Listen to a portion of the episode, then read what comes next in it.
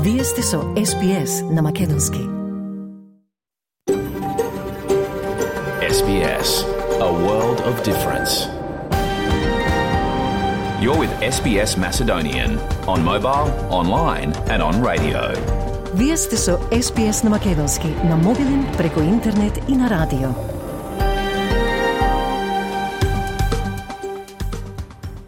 СБС им оддава признание на традиционалните собственици на земјата, од која денеска емитуваме програмата на македонски јазик.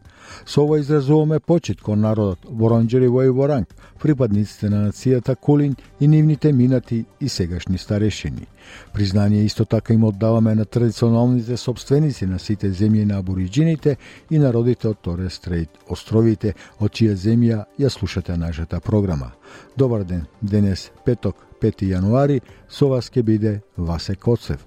Но добар ден им велиме и на оние кои не слушаат во сабота, 6 јануари, бидејќи програмата од петок се репризира во сабота. По генералната најава, почитувани, програмата ја продолжуваме со вестите, а по нив е и редовниот извештај од Македонија.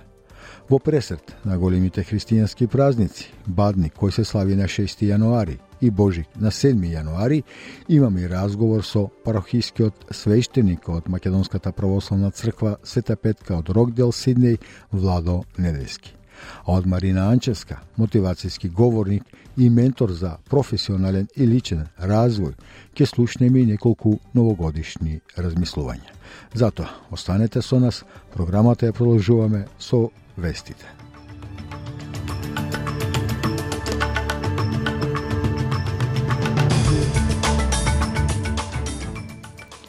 Од денешниот билтен вести издвојуваме. Проектите на Обединетите нации изголемувањето на цените за изнајмување ќе го ограничи напредокот на инфлацијата во Австралија оваа година. Кина ги повикува сите страни да ја почитуваат слободата на пловење на сите земји во Црвеното море – Контролори на летање и нивни помошници во македонската навигација се очекува да почнат да поднесуваат оставки од раководните позиции во НАФ. И од спортот, поранешиот светски рекет број 1 Рафаел Надал го докажува својот камбек на меѓународниот тениски турнир во Бризбен.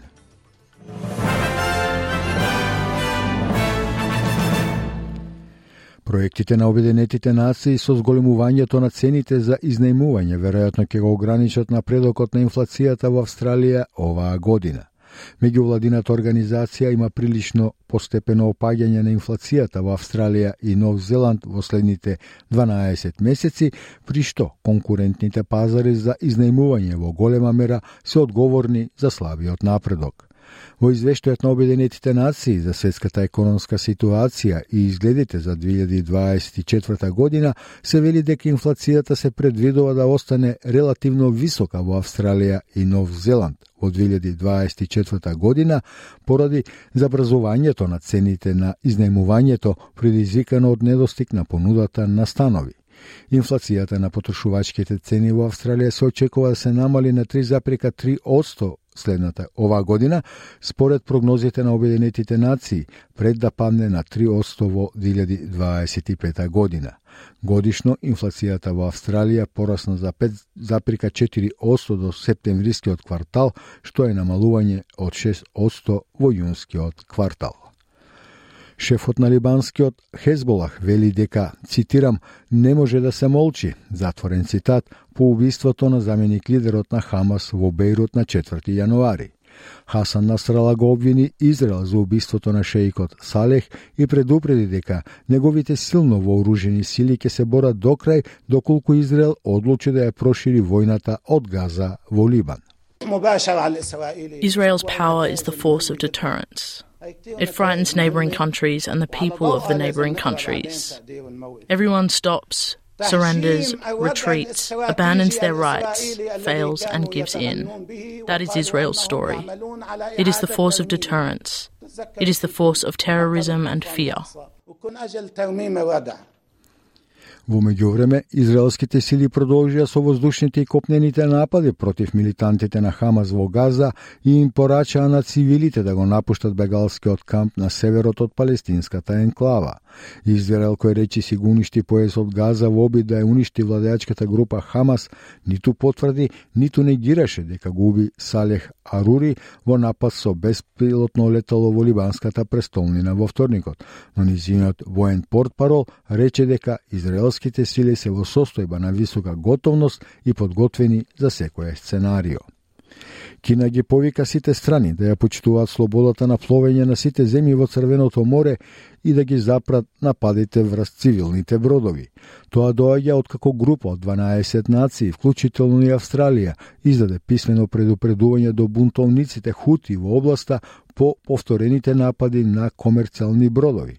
Кинескиот престаник во Обединетите нации, Генг Шуанг, зборуваше на отворен состанок во врска со нападите на хутите во Црвеното море во услови на растечки тензии поради тековниот израелско-палестински конфликт во Газа.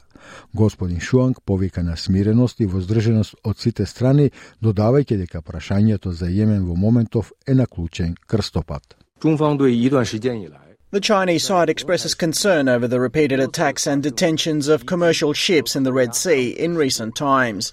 We urge the relevant parties to cease the acts of harassing civilian vessels, respect and ensure the freedom of navigation for all countries in the Red Sea waters. We believe that all parties, especially influential major powers, should play a constructive and responsible role in safeguarding the security of the Red Sea maritime routes. 20 до 30 контролори на летање и нивни помошници во македонската навигација НАВ се очекува да почнат да поднесуваат оставки од раководните позиции во НАВ, најави на пресконференција вчера председателот на струковиот синдикат на контролори на летање Александар Тасевски. Тој рече дека оставките се за подршка на синдикалните активности и реакција за последниот оглас за вработување во оваа институција. Од денеска ќе се започне со депонирање на оставки од сите оние контролори на летање и помошници на контролори на летање кои што имаат соодветни раководни функции, инструкторски функции, шефови на смени, ќе се почне со повлекување на од нивните позиции од сите оние проекти во кои листите такви се вклучени. Со самото тоа ќе се даде поддршка не само на мене како председател на овој синдикат не за исправноста во која што го водам синдикатот, ќе се даде поддршка поддршка на сите оние досегашни активности на синдикатот на контролори на летање, меѓутоа и на тие што ќе следуваат. По последните случувања во македонската навигација кои ескалираа со вчерашниот упад во институцијата и напад на тројца вработени, македонската влада најави дека на наредната седница ќе биде предложена и донесена одлука за разрешување на целото раководство, како и на сите членови на управниот одбор на НАФ. Владата на Квинсленд соработува со авиокомпаниите Jetstar и Qantas за да понуди летови со попуст и да ги поттикне австралијците да патуваат во регионот. Северен Квинсленд се опоравува од последиците од Европ... е, екстропскиот циклон Джаспер и тешките поплави, ставајќи економски притисок врз бизнисите кои обично напредуваат во овој период од годината. Премиерот на Квизланд, Стивен Майлс, изјави за ABC News Breakfast дека Кернс е подготвен и отворен за бизнис. Cairns and much of the state's far north, it's business as usual. Businesses are open. Unfortunately, there's not the number of visitors here that we're used to. This is peak season, peak tourism season, and that's why our focus today, our announcement today is on getting more visitors here to Cairns and the state's far north. Поранешниот шеф на австралиската безбедност Денис Ричардсон е назначен да го води прегледот на трансферот на документите од кабинетот од 2003 година во националните архиви. Се очекува прегледот да поднесе извештај во текот на следните две недели за тоа како предходната влада, предводена од Скот Морисон, не успеа да предаде 78 досиеја за одлуката на владата на Хауард да се приклучи на американската инвазија на Ирак. Од тогаш документите се пронајдени и дадени во архивите, додека одделот на премиерот и кабинетот го припишуваат неуспешниот трансфер на нарушување на пандемијата на COVID-19 во 2020 година и, цитирам, очигледни административни превиди, затворен цитат. Премиерот Ентони Албанези вели дека австралијците имаат право детално да знаат за процесот на донесување одлуки за Ирак. The National Archives of Australia should release all the documentation uh, that has been provided to them, uh, having account for uh, any national security issues, of course, upon the advice of the national security agencies. But there is no reason why these documentations should be, with the exception of putting people in danger, uh, should be not released in a transparent way. Австралискиот земјоделски извоз во Индија се зголеми за 50% во последната година, откако беше склучен договор за сол, слободна трговија меѓу двете земји. Зголемувањето на извозот на овчо месо, морска храна, граф, цитруси и бадеми исто така беше дополнително дополнето со зголемување од 30% на индустрискиот извоз, како што се фармацевските производи, дрвото и хартијата. Тарифите за повеќе австралиски извоз во Индија, вклучително и за морска храна, цреши, сандалово дрво и вино, исто така ќе ги направат бизнисите поконкурентни од 1 јануари. Австралиските бизнеси заштедија преку пониски даноци на извозот во Индија во вредност од 15,2 милиарди долари помеѓу јануари и септември постапувањето во сила на договорот. Домакинствата заштеделе 145 милиони долари од давачки за увезена стока, како облека, постелнина и електрични делови. И од спортот, Рафаел Надал го докажа својот камбек по убедливата победа на турнирот во Бризбен над миленикот од домашниот град Джейсон Кублер. Во неговиот втор надпревар порече се една година надвор од тениските терени, Надал го совлада Кублер со 2 спрема 0 во сетови во четвртокот вечерта. Надал не само што покажа што го покажа својот незаменлив интензитет и железна волја, туку им покажа и на навивачите дека дури и на речиси 38 годишна возраст болест и по операцијата на колкот што му ја спаси кариерата, ги задржува изморените физички сили. Надал вели дека е среќен што излегува на терените и се чувствува силен. For me is uh, every day that I have the chance to to play is uh, is a great news, no? So uh, just happy for that, just happy that I I came back after a long time and I feel myself competitive. That's uh, all what I what I want and then let's see what's what's going on and how far I can. А ракометната репрезентација на Македонија на неколку дена пред заминувањето за Дизелдорф, каде ќе игра против Франција на почетокот од Европското првенство во ракомет, во Скопје совлада Грција со 33 спрема 30. Македонскиот селектор Кире Лазаров понад преварот рече дека е делумно задоволен од играта на неговите избраници. На Европското првенство прв предизвик за Македонија ќе биде екстра силната селекција на Франција. Посебно импресивно за нашите ракометари е тоа што мечот со кој ќе биде отворен шампионатот, ќе се игра на фудбалски стадион.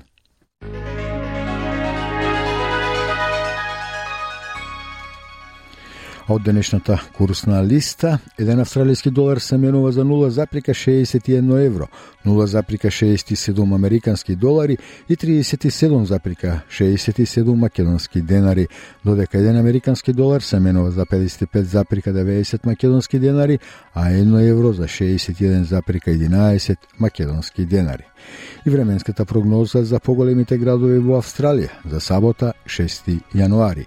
Перт сончево со температура до 33 степени, Аделајд развојна врнежи од дожд, можна и бура до 32, Мелбурн претежно сончево до 30, Хобарт претежно сончево до 25, Камбера делумно облачно до 26 степени, Сиднеј облачно до 26, Бризбен врнежи од дожд со температура до 29 степени, Дарвин повремени врнежи, можна и бура до 34 и во Алис Спрингс кратки повремени врнежи со температура до 38 степени.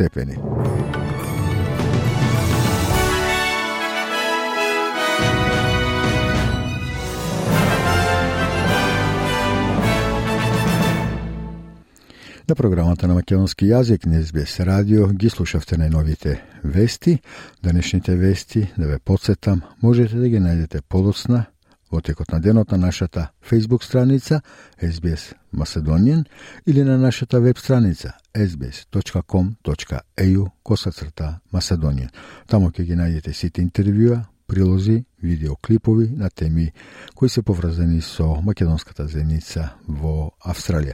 Тамо секој ќе го најдете и денешниот извештај од Македонија, кој што ќе имате можност да го слушнете после првиот блок Маркетинг. Со вас почитувани, до крајот на програмата останува Васе Коцев.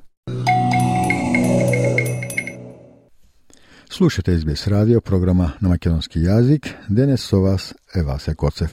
Следува извештајот од Македонија денес подготвен од нашиот соработник Милчо Јовановски. Известува на повеќе теми, меѓутоа поголема дел се задржува на тоа поврзани со настаните во македонската навигација. Имено 20 до 30 контролори на летење и нивни помошници во македонската навигација се очекува да поднесат оставки од раководните позиции во НАФ најави вчера на пресконференција председателот на струковиот синдикат на контролори на летење Александар Тасевски. По пресот на Тасески според МВР, вработено лице во НАФ со непознати лица влегле во институцијата и нападнале тројца други вработени. Министрот за финансии Фатмир Бесими пак уверува дека функционерските плати од март нема да се зголемат за нови 400 евра. И коалицијата сите за правишно судење со став дека сите одлуке на судскиот совет од мај 2023 година до завчерашното враќање на староновата председателка Весна Дамева треба да се ништовни. Попширно за овие настани во извештајот.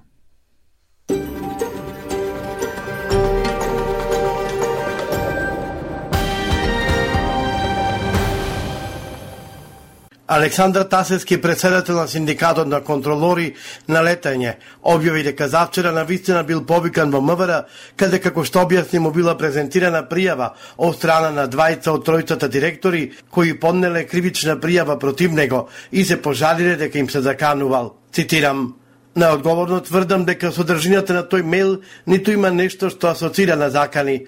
Оценувам дека тенденциозно и наберно тоа се интерпретира така, за тие информации да се искористат против мене како вид на притисок и со намера да се откажеме од нашите активности, а преку мене и до синдикатот на контролорите на летање, а со самото тоа и до сите професионалци кои во изминатиот период покажа доблест и се дрзнаа да го кренат својот глас и да покажат дека навистина се подготвени да застанат во одбрана на својата професија и да кажат стоп на клиентелизмот и на непотребните и нестручни вработувања, рече на прес Тасески. Од денеска ќе се започне со депонирање на оставки од сите оние контролори на летање и помошници на контролори на летање кои што имаат соодветни раководни функции, инструкторски функции, шефови на смени, ќе се почне со повлекување на од нивните позиции од сите оние проекти во кои што истите такви се вклучени. Со самото тоа ќе се даде поддршка не само на мене како председател на овој синдикат не за исправноста во која што го водам синдикатот, ќе се даде поддршка точка на сите оние досегашни активности на синдикатот на контролори на летање, меѓутоа на тие што ќе следуваат. Од Министерството за внатрешни работи вчера поплан не информира дека вработено лице во МНАФ со непознати лица влегле во институцијата и нападнале тројца други вработени. Околу 15 и 15 часот во по Петровец лице вработено во МНАФ пријавило дека во објектот имало нарушување на јавниот ред и мир, односно дека БН лице вработено во институцијата, заедно со уште неколку непознати лица, физички ги нападнале ПБ, ЕК и БР, лица вработени во институцијата. Веднаш по добиената пријава, полициски службеници од СВР Скопје се упатени кон местото на настанот и се преземаат мерки за расчистување на случајот, велат од МВР за ТВ21. Председател на синдикатот на МНАВ, Александр Тасевски, повторно согласи во јавноста и за ТВ24 телефонски рече. Како тие лица влегле на самата оградена површина кога на сите ми новинари и на секој еден што доаѓа к нас му се прави контрола кој влегува како влегува и кој е пуштен да дојде. Од друга страна е прашање како влегле во објектот на контрола на летање каде што имаме наше собствено обезбедување кој ги пуштил и за само тоа што е направено тоа веќе не е загрозување на секој еден вработен само него на загрозување на безбедност во посол а Министерството за транспорт и врски континуирано ја следи состојбата во МНАВ а од аспект на надлежности нема законска надлежност да влијае врз интерните постапки за вработување, ниту пак да влијае врз финансиската самостојност на АДМНАВ, информираат за МИА од ресорното министерство. Нагласува дека авиособраќаот во земјава мора да се одбива непречено во континуитет и без прекини и во таа насока упатуваат повик до сите инволвирани на професионалност и обавување на основната функција на друштвото. Во однос на внатрешните прашања поврзани со постапките за вработување, тие треба да се решаваат институционално и доколку има забелешки на постапките, тие да се водат во системот на државата, порачуваат од Министерството за транспорт и врски. На настанот реагираат и од опозицијската ВМРО ДПМН. Цитирам, Група партиски војници на ДУИ влегле во зградата на МНАВ и нападнале контролори на летање албанци, затоа што дале поддршка на синдикатот против партиските вработувања. Кога Ахмети пее во кабинетот на Груби и си прави журка во друга државна институција, баграта на ДУИ дели шлаканици на албанци зашто се солидаризирале со синдикатот, реагираат преку сообштение од опозицијската ВМРО ДПМНЕ. Во која европска држава има ваков скандал? Најострого осудуваме овој вандалски криминален чин на дуи СДС, велат од ВМРО да ДПМНЕ. На СБС слушате вести од Македонија. Буџетот за 2023-та е реализиран согласно планот и се одликува со историски највисоката реализација на капитални инвестиции и по сума и по процент реализација на планот. Реализирани се 707 милиони евра капитални инвестиции или 97% реализација во однос на планот. Буџетски дефицит од 4,67% од БДП, што е на пониско ниво од проекцијата 4,8% и јавен долг од 59,3%, што е на пониско ниво и од планот и од фискалните правила. Ова го соопшти министерот за финансии Фатмир Бесими на средба со новинарите, на која потенцира дека 2023-та беше првата фискална година после 12 години во која не е извршен ребаланс на буџетот. Функционерските плати од март нема да се зголемат за нови 400 евра, тврди министерот за финансии Фатмир Бесими. Во буџетот не биле предвидени пари за нов раст на платите на избраните и именувани лица. Нема пари во буџет за зголемување на плати за функционери во 24 година. Нема. Нема пари за плати зголемување на плати во буџетот нема, во буџетот нема пари. Тоа значи дека тоа е одраз на политиката што ја најави владата дека ќе има интервенции во законот, тоа да не се случи во 24 година. Бура од реакција во јавноста по смените во судскиот совет. Весна Дамева повторно седна во председателското столче, откако незиниот наследник, а сега веќе и предходник Сашко Ѓоргиев, си понесе оставка од функцијата. Ивана Петковска од коалицијата Сите за правично судење реагира дека сите одлуки што судскиот совет ги донел откако начело застана Сашко Георгиев од мај 2023 до завчера се ништовни. Поставуваме дека ќе се оспорува законитоста по однос на одлуките кои што се подпишани од страна на председателот на судски совет, односно од Сашко Грие во во периодот додека бил на позицијата председател на судски совет. Тука влегуваат сите одлуки, договори, дела кои што па дима подпишана и на кои што бил ставен неговиот подпис како председател на судски совет. Граѓанскиот сектор останува секако и понатаму настава дека оставки членовите на судскиот совет треба да се поднесат затоа што веќе и со одлука на суд е констатирано дека имало незаконско постапување од нивна страна.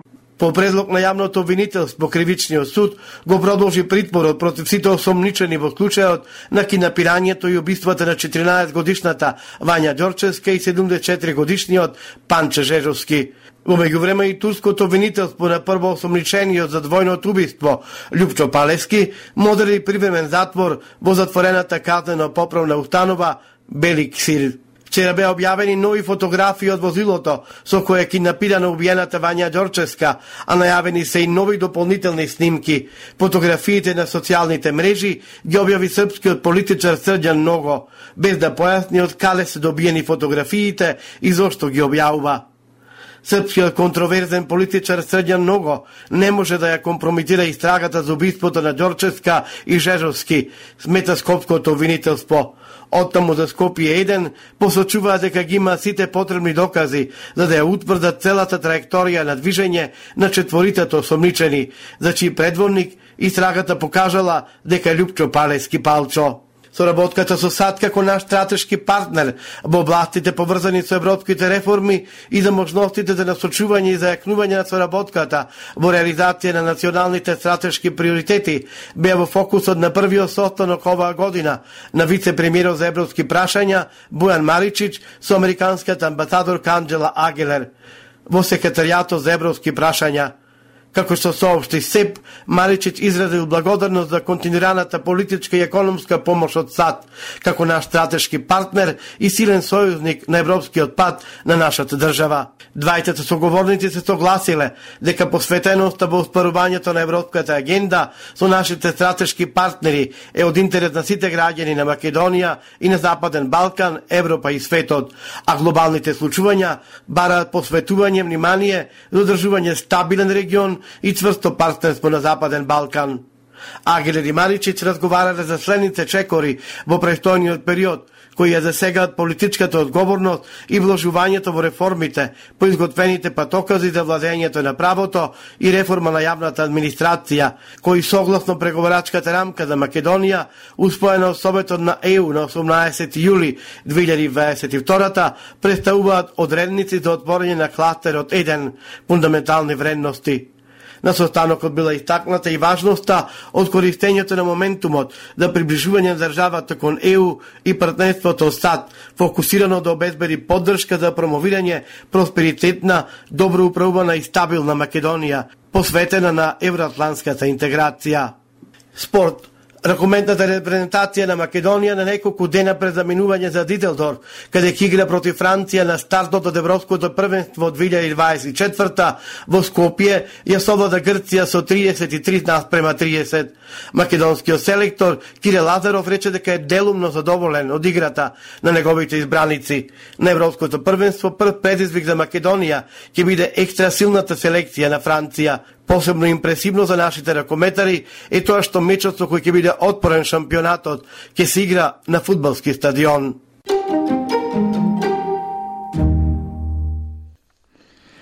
На програмата на македонски јазик на СБС радио го слушавте извештајот од Македонија подготвен од нашиот соработник Милчо Јовановски, а кој ќе биде достапен подосна на нашата а веб страница sbs.com.eu косацрта Маседонија, но и на фейсбук страницата SBS Маседонија.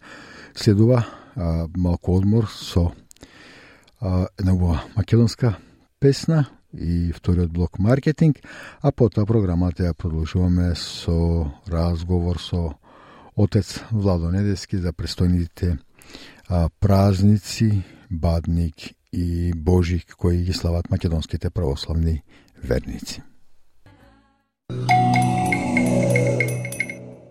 Слушате СБС радио, програма на македонски јазик. Денес со вас Ева Секоцев. Македонските православни верници утре вечер а, а за оние кои не слушаат во сабота вечерва 6 јануари го прославуваат големиот празник Бадник, а во недела на 7 јануари и Божик. Овој празник е матица на сите други црковни празници, бидејќи со Христовото раѓање се смета и почетокот на новата ера.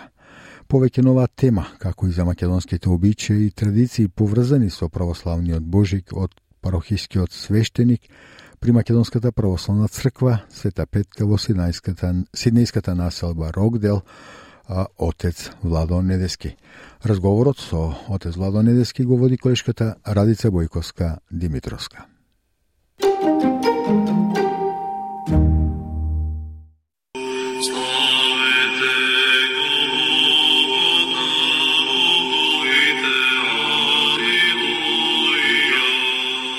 Отец Владо Недески, добар ден. Добре дојдовте на СБС на Македонски да позборуваме за православниот бабник и Божик и благодарам што знам би покрај презафатеноста во црквата Света Петка во Рогдел, каде што служите, одвоивте време да ги информираме нашиве слушатели.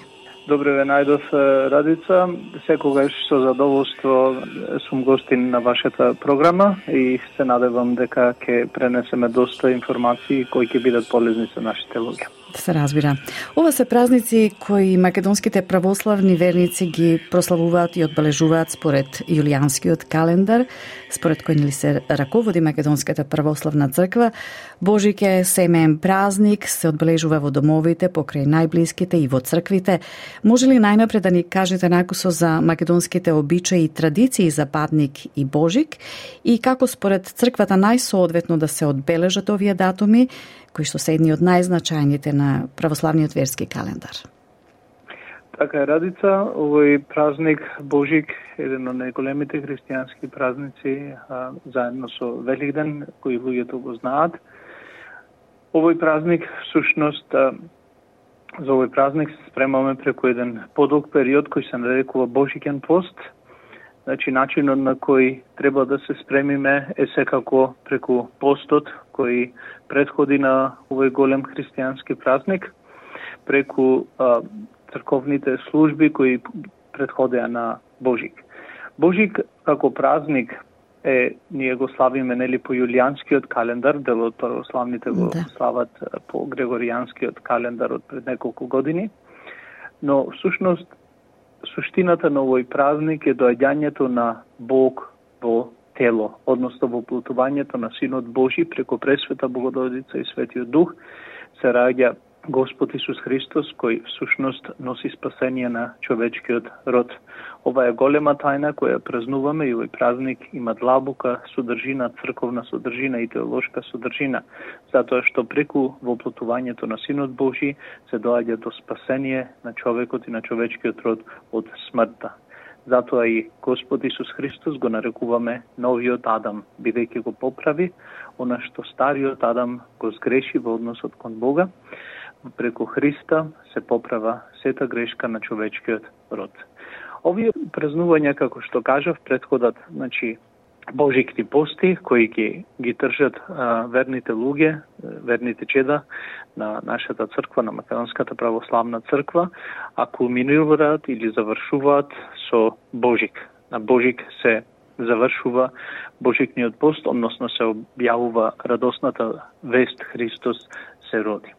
А предходниот ден се нарекува Бадник и или на вечерието на празникот Божик. На овој ден, значи во сабота на вечер се прави вечерна богослужба на таа вечерна богослужба се одсветува бадникот, се осветува бадников колач според тука обичаите кои ги имаме во нашата црковна заедница, а потоа за сите присутни кои ќе дојдат на службата, како и секоја година, веќе се вративме на старијата пракса, старата традиција, повторно да послужуваме постна храна за сите кои ќе дојдат на таа вечерна Значи ќе имате традиционалната бадникова трпеза во црквата. Точно така. Mm -hmm. Да, да, да. Ќе има и една додавка, значи на во сабота на вечер имаме дечиња кои ќе се спремаат, па ќе направиме една обиколка со пештерата и дечињата ќе ја пеат радосната песна за тој празник. Кога сме кај празнувањето,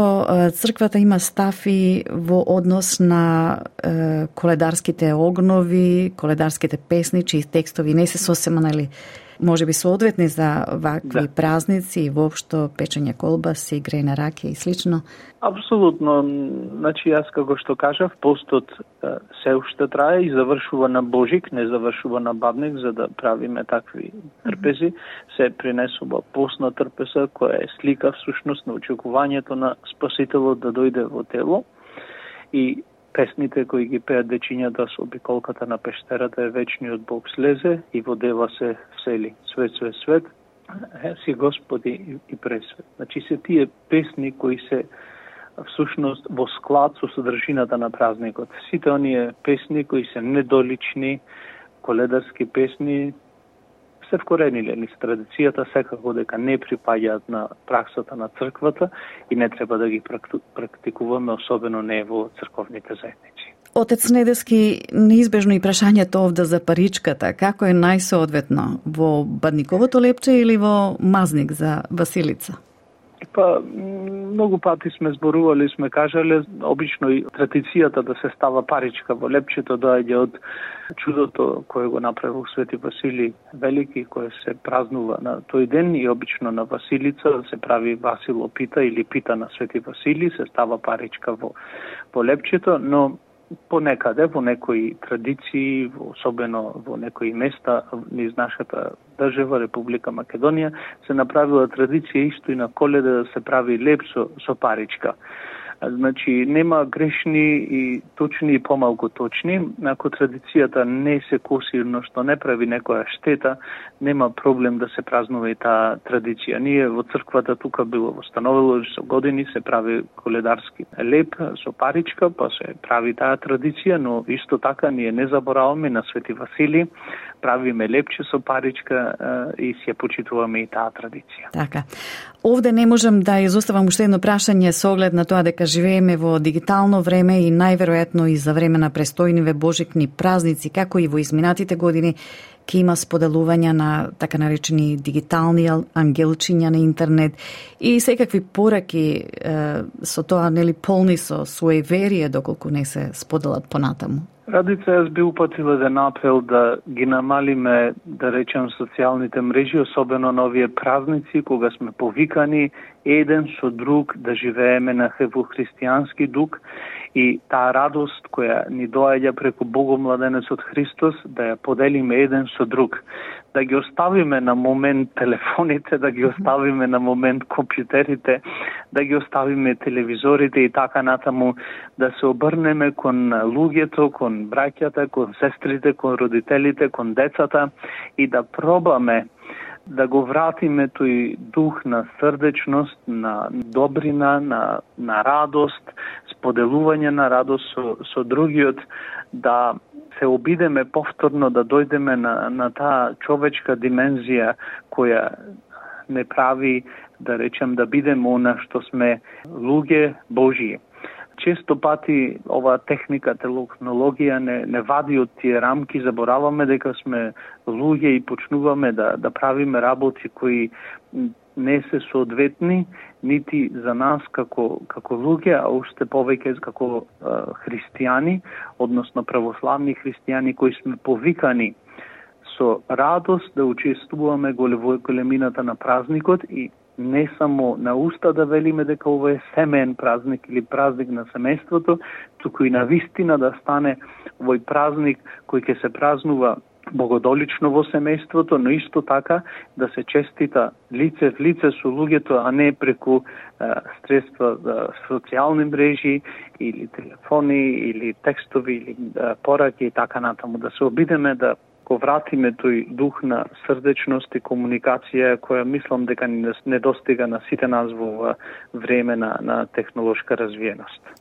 Отец Недески, кажете ни и кога ќе се одржат божикните литургии во црквата Света Петка во Рогдел? Ги повикувам сите христијани кои се црквуваат во нашата црковна заедница да повелат на престојните богослужби. Денес го прославиме споменот на светиот преподобниот свет отец наш Наум Охридски. О, утре на Коледа или Бабник да повелат да дојдат на Бадникова вечерна богослужба која се ќе се одржи во црквата Света Петка во 6 часот попладне, а потоа после вечерната служба и, и осветувањето на Бадниковиот леп и Бадниковите гранчиња ќе биде послужена Бадникова вечера за сите присутни. За најмалите или најмладите ќе бидат поделени божикни пакетчиња, имаме направено во голем број, нека повелат сите дечиња кои сакат им бидат поделени божикни подароци. Празнувањата за Божик почнуваат во недела наутро кога ќе се служи Василиева литургија, ќе се објави доаѓањето во плотувањето на Богомладенецот Господ наш Исус Христос. Служби ќе има и наредните два дена после тоа на соборот на Пресвета Богородица во понеделник и на Свети Стефан во вторник. Честит Божик на сите македонски православни христијани кои го слават Божик. Господ Бог да испрати мир и благослов во секој македонски православен христијански дом, а меѓу луѓето да испрати добра волја. Отец Владо Недески, ви благодарам за разговорот и нека ви се среќни божикните празници. Исто и вас, секој е добро и голем поздрав до сите работени на SBS радио. Зашто е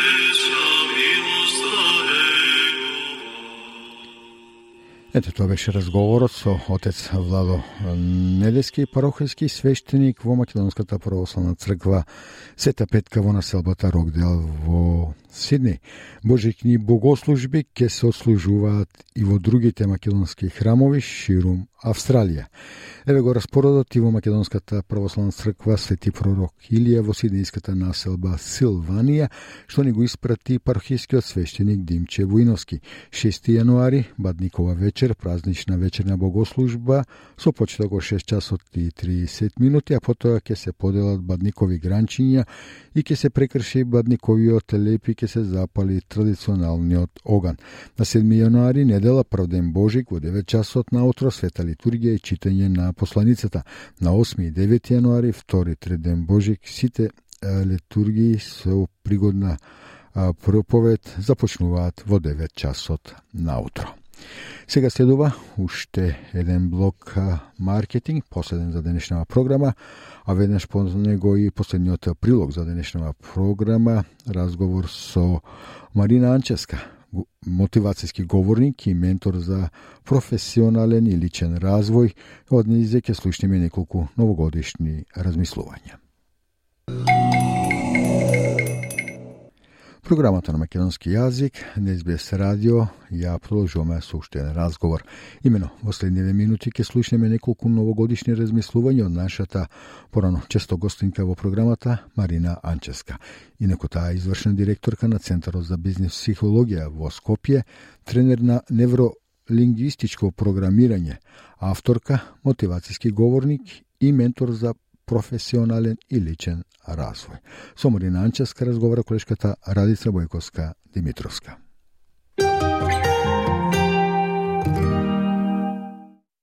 Марина, здраво, добре дојдовте пак по подолго време на СБС на Македонски.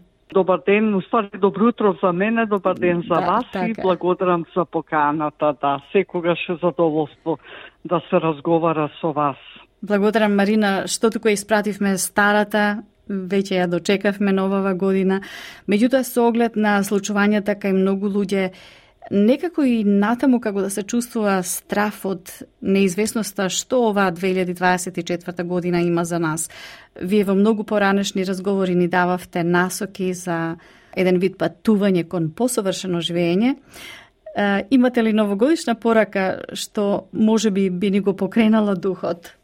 Па секако дека имаме. Срекна ќе ни биде годината доколку ние самите си ја направиме. Ние често пати нели си посакуваме срекна нова година, меѓутоа што на вистина мислиме кога викаме срекна нова година? Срекна треба да дојде среќата од надвор или ние ќе креираме среќата?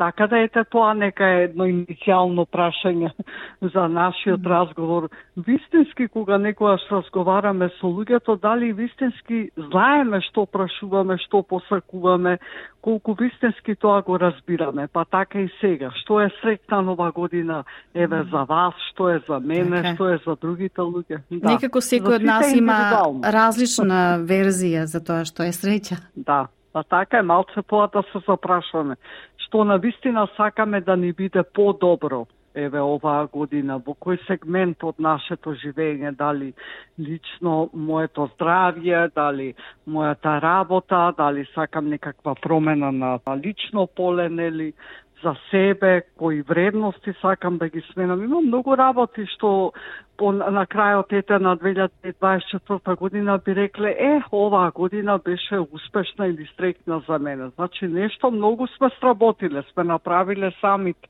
за да го имаме тоа чувство дека е стрекна и исполнета. Еве, како беше минатата година? Како би ја дефинирале, нели? стрекна, успешна, предизвикувачка, секако во секој случај предизвикувачка. Секако, Ете да направи да. да се да се вратиме сепак прво назад, нели, како ја заокруживме, дали ќе продолжиме исто така како што заврши годината или нешто ќе смениме.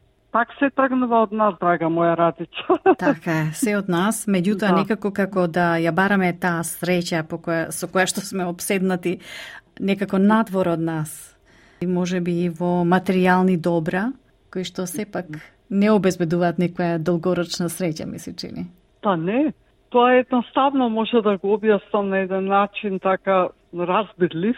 Ние живееме во нели нашава временска линија ја доживуваме хоризонтално, така почеток, крај, а не ни знаеме ни каде сме во моментот, знаеме дека не сме на почетокот, нели според да, годините, меѓутоа крајот Да, крајот не знаеме кога е.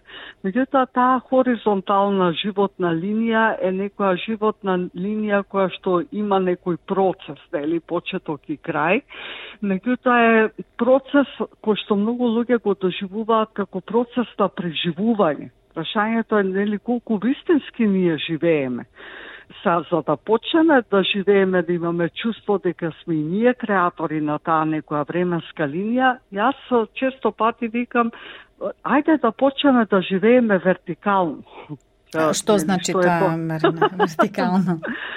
Вертикално значи да бидеш приземјен, да бидеш присутен во сегашноста, да бидеш свесен за корените од каде што доаѓаш, нели? Како едно дрво, вертикално дрво, да бидеш присутен, меѓутоа тоа дрво без конекцијата со универзумот, без конекцијата со, ете да кажеме, системот во кој што живе околината, сонцето, со звездието, во наш, да кажеме, за луѓето би било тоа душата, поврзаноста, нема смисла.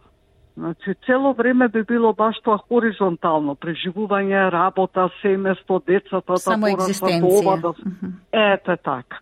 Додека вертикалното дава некаква друга смисла на живеењето. А, има многу луѓе кои што се, да кажеме, духовно насочени, меѓутоа не можат, не се успешни во материализација на тоа што го, да кажеме, духовно го добиваат како искуство, како знаење, а не можат да го материализираат. Тоа е таа вертикалата. Значи, материализацијата не значи само парите. Има многу луѓе што знаат многу работи, имаат многу податоци, меѓутоа не прават ништо со тоа. Значи, таа материализација на тоа што ние го имаме како сознание, духовно сознание, кое што не го живееме, не го користиме, бидејќи сме заглавени во таа само хоризонтална временска линија, и затоа многу од луѓето бараат среќата напор, бараат нешто, нешто друго да се случи, па да се чувствуваат среќно и успешно. Затоа што не, немаат свесност дека ние постоиме и вертикално. Еве сега нели се ближи и Божик, нашите нели празници, религиозни празници. Што е крстот? Тоа е таа хоризонтала и вертикала. Ја така го доживувам, да кажем, и кај што се спојуваат тие хоризонталната и вертикалната линија, тоа е всушност сегашноста. Што ја реализирам, што ја справам во, во сегашноста, сите тие сознанија што ги имам од минатото, од семејството, од нели, животот на моите предци, од тоа што ја духовно се издигнувам и како тоа сето во, во иднината ќе го искористам, ќе го насочам за доброто мое на околината на сите. Така да ете, таа нека биде пораката, малце вертикално да почнеме да живееме, свесно и отварање кон духовноста, затоа што ние се повеќе и повеќе живееме во духовно загадена околина. А тоа е, ете така, неосвестен несвесно дека ние постоиме поради релациите. Ние не можеме да се отугиме едни од други, а тоа се повеќе и повеќе се случува затоа што ние првично си требаме, ние живееме во заедница. А најпрвичната е релација со самите себе се дека не освестам јас мојата духовност, мојат кога зборувам за духовност не зборувам за религија, нели мислам дека се да, подразбира да, тоа со сета почит со кон религиите, меѓутоа духовност подразбирам на тоа кон тоа свесност за она што е емоционално наследство што го носиме од нашите предци, дали тоа ни, ни е потребно се уште да го живееме, свесноста за тоа дека сме ние поврзани со нешто поголемо од нас, не сме ние само ние тука вака на земјава дојдени, да искористуваме се од земјата, да оставаме хаос и да се заминуваме. Значи има некоја друга смисла се тоа наше живење. Така да таа спиритуална загаденост мислам дека е многу важно да почнеме да расчистуваме, бидејќи гледаме дека веќе не функционира тоа има прави огромни штети, еве колку повеќе сме цивилизирани, ке ставам по наводници, колку повеќе науката оди напред, еве и а, да кажеме и имаме разни машини за лечење и болниците се толку современи, а има сте поболни луѓе. Се повеќе и повеќе се луѓето болни, несрекни, неисполнети, значи нешто нешто не, не функционира. Значи треба некаква друга промена. Ја така размислувам. Но оваа година јас така некако ја чувствувам. Година која што уште повеќе ќе бара од нас освестување, себе спознавање, подигнување на нивото на свесност, во повеќе живење во таа вертикала, значи многу по попредизвикувачки отколку што биле изминативе години. Тоа е некое мое така, некое сознание, мое доживување на годината и, и гледам и по мојата работа, Радица. Да. Многу повеќе луѓе имаат потреба од совети, од работа на себе, затоа што гледаат дека не е ништо доволно, еве материјално, пари ќе имаш, се семејството не ти функционира децата значи не функционира веќе односот го немаат со родителите. Се е изместено, па кога ќе го виде, гледаме тоа, јас исто повеќе, уште повеќе станувам свестна да парите ни требаат, меѓутоа парите се само енергија, затоа што ние забораваме колку ние всушност инвестираме време од нашето семејство, време од себе, за да ги добиеме тие пари. и после кој ќе посакаме да ги потрошиме, може би немаме веќе со кого да ги уживаме парите, сме платиле голема цена за, за тоа како сме ги добиле тие пари и веќе нема смисло тоа. Така на некој начин. Марина, во постојана трка сме некако да имаме позитивна енергија, да се чувствуваме среќно, меѓутоа тоа е нев, навистина невозможно во секој момент нели од животот. Треба ли малку да поработиме на тоа да ги прифатиме и тие други помалку среќни и помалку убави моменти како дел од животот и да не си ставаме дополнителен притисок самите на себе? Тоа е всушност еден од најголемите проблеми, да кажеме, бидејќи луѓето сакаат да го контролираат животот, а животот не може да се контролира, а, затоа што животот постојано нас и ке не предизвикува, и не предизвикува и ке не предизвикува. Многу е подобро да се работи на тоа да можеме да се носиме со сите тие предизвици и може би оваа година е убаво да малку повеќе да се препуштиме на живот животот, малку повеќе да оставиме животот некојаш да не носи, така да многу емоционален стрес и надеж дека животот ќе биде подобар, можам морам сега да го контролирам, може би тој тој емоционален стрес треба да го ослободиме, затоа што тоа навистина предизвикува немир, предизвикува неубава енергија за самите нас, за околината, а ние знаеме луѓето што се повредени, што не си селуваат себе си, повредуваат други луѓе. Во надеж дека ќе се носиме подобро со предизвиците оваа година, ви благодарам што одвоивте време и за овој разговор и ви посакувам се најубаво во новава 2024. Благодарам Радеца за овој прекрасен разговор и ете уште еднаш да им ја честитам новата година на нашите слушатели и да им посакам и на нив едно прекрасно духовно патување. Ете со разговорот на колешката Радица Бојковска Димитровска со Марина Анческа стигнавме до крајот на денешнава програма. Денес со вас беше Васе Коцев. Ви благодарам за вниманието. Имајте оние македонски православни верници кои ги прославуваат престојните празници Бадник и Божик, нека им се честито и бидете повторно со програмата на македонски јазик во понеделник точно на наплане. Пријатно поплане.